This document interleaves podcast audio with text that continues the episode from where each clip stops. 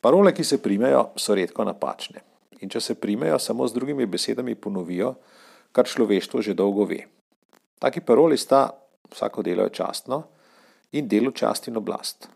Okrog 1. maja se jih ne poslušamo, ampak držita.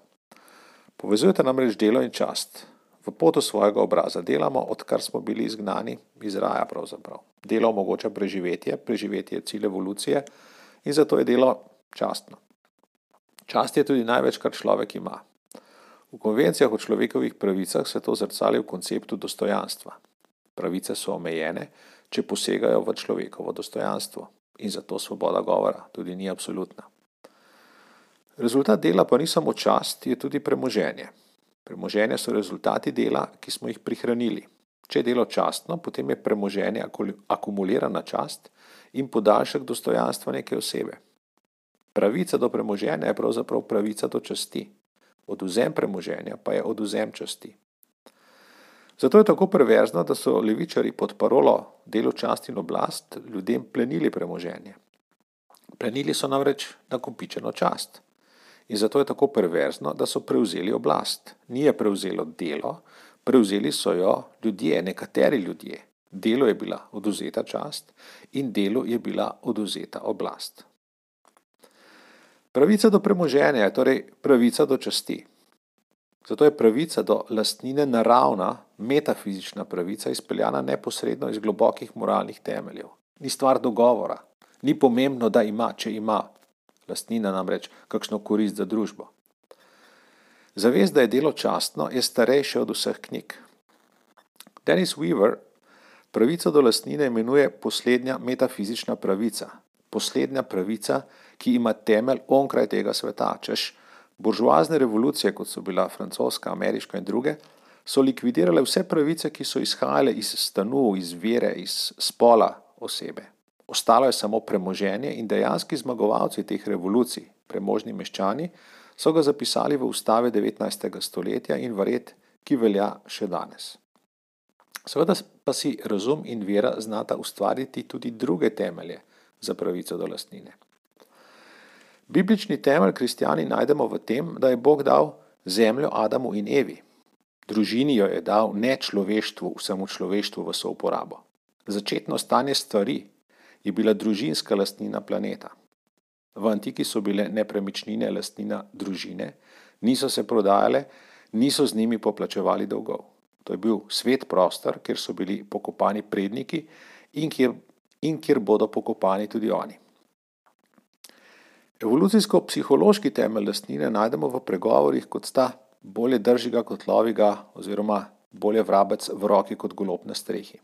Kar že imamo, se nam zdi bolj dragoceno kot nekaj, kar bi šele lahko dobili. Študije kažejo, da smo dvakrat bolj motivirani, da se izognemo bolečini ob izgubi nečesa, kot da iščemo veselje v pridobitvi ta istega. Ohranjanje tega, kar imamo, se nam zdi vrednejše od pridobivanja novega. Zato se nam davek na premoženje zdi manj pravičen od davka na delo in prepričevanje, da je slednji manj produktiven, ne pomaga dosti. Ekonomsko utemeljitev lastnine najdemo v tistem stavku, s katerim pojasnjujejo revščino v tretjem svetu. Ta stavek se glasi, ker je lastnina negotova. Lastnina tam ni varna, vsak hip se lahko pojavi nekdo, ki si jo bo prisvojil. Mogoče država, mogoče ropart, mogoče sosed. Ko je Niall Ferguson raziskoval, v čem je skrivnost uspeha zahodne civilizacije, je na tretjem mesto od šestih postavil urejene lastninske pravice. Družbeno odgovorno razumevanje lastnine najbolje pojasni Oren Boyle, negativec iz romana Atlas Shrugged. Pravi, edino opravičilo za zasebno je, da služi javnosti. To razumevanje je diametralno nasprotno vsemu, kar smo do zdaj povedali. Skrbi me, da je ustava Republike Slovenije samo malo manj zadrta. Takole piše. Zagotovljena je pravica do zasebne lastnine in dedovanja. Ampak nekje malo naprej pa je napisano naslednje. Zakon določa način pridobivanja in uživanja lastnine tako, da je zagotovljena njena gospodarska, socialna in ekološka funkcija. V slovenski ustavi zasebna lastnina nima metafizičnega bistva, ki jo opravičuje samo po sebi, ni razumljena kot akumulirana čast človeka, ampak ima, mora imeti funkcijo. kot jo imajo angliška stranišča. Lastnina je rezultat žrtvovanja sedanjosti, torej da ne potrošimo vsega, za prihodnost. Prihranimo nekaj v lastnini. Lastnina je žrtvovanje staršev za otroke. Tudi to je evolucijska pridobitev, v najbolj jasni obliki, zapisana v mnogih verovanjih, namreč da žrtvovanje v zemljskem svetu prinaša nagrado v onostranstvo ali, bolj poenostavljeno povedano, žrtvovanje danes prinaša nagrado kasneje. Kako drugačne od teh starih modrosti so današnje ekonomske politike, ko si danes izposojamo denar, ki ga bo treba jutri vrniti, ko danes puhamo oglikov dioksid v atmosfero, ki jo bo treba jutri očistiti. Kako drugačne so od idej, da bi bilo otrokom treba otežiti dostop do premoženja, ki ga niso zaslužili sami, ampak so ga zaslužili njihovi starši. Tržno gospodarstvo daje delu ne samo čast, ampak tudi oblast. Ljudje odločajo s svojimi potezami na trgu. Kdor na trg nosi več denarja, torej premoženja, ima več besede. In kdor ponuja več svojih izdelkov ali storitev, tudi. Več dela pomeni več vpliva na nevidno roko trga. Nedotakljiva zasebna lastnina je osnova za osebno svobodo in druge človekove pravice. Lastnina kreira avtonomen prostor, daje neodvisnost, pokončnost posamezniku, da je lahko svoboden državljan, da more izpovedovati, kaj se mu zdi prav in kaj narobe, in da more brez strahu sodelovati v javnih družbenih zadevah. No in zato vse politične opcije, ki želijo vzpostaviti avtoritarni sistem, poskušajo zmanjšati vpliv trgov, torej dela in časti. Ideološko so utemeljene na zavisti oziroma zameri do uspešnejših in premožnejših in želijo omejevati pravice, do lastnine, naprimer z davkom na nepremičnine, obdavčenjem dobičkov in dediščin. Skratka, z ukrepi, ki zmanjšujejo varnost premoženja. Konec koncev tudi počasno in nepredvidljivo delo slovenskih sodišč prispeva k temu, da premoženje v Sloveniji ni tako varno, kot bi lahko bilo oziroma kot je kje drugje na svetu. To ni dobro ne za domače, ne za tuje investicije, niti za ohranjanje in pritegovanje talentov v našo državo.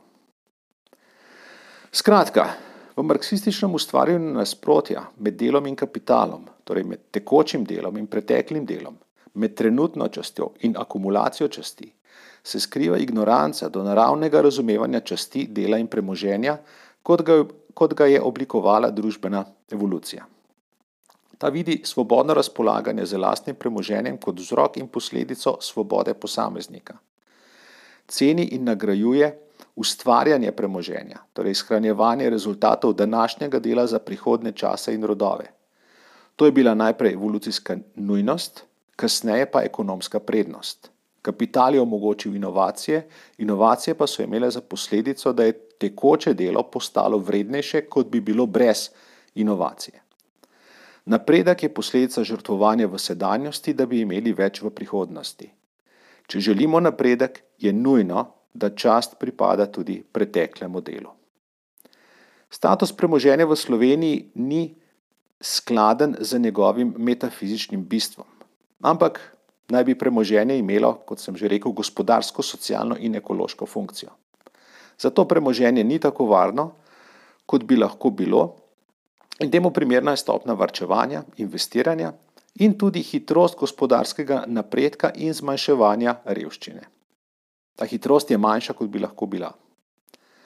Zato naj zaključim delu, tekočemu in preteklemu, čast in oblast, ne pa tekočemu delu čast, preteklemu pa zavist. Oblast pa ne zavistnim, ampak delavnim.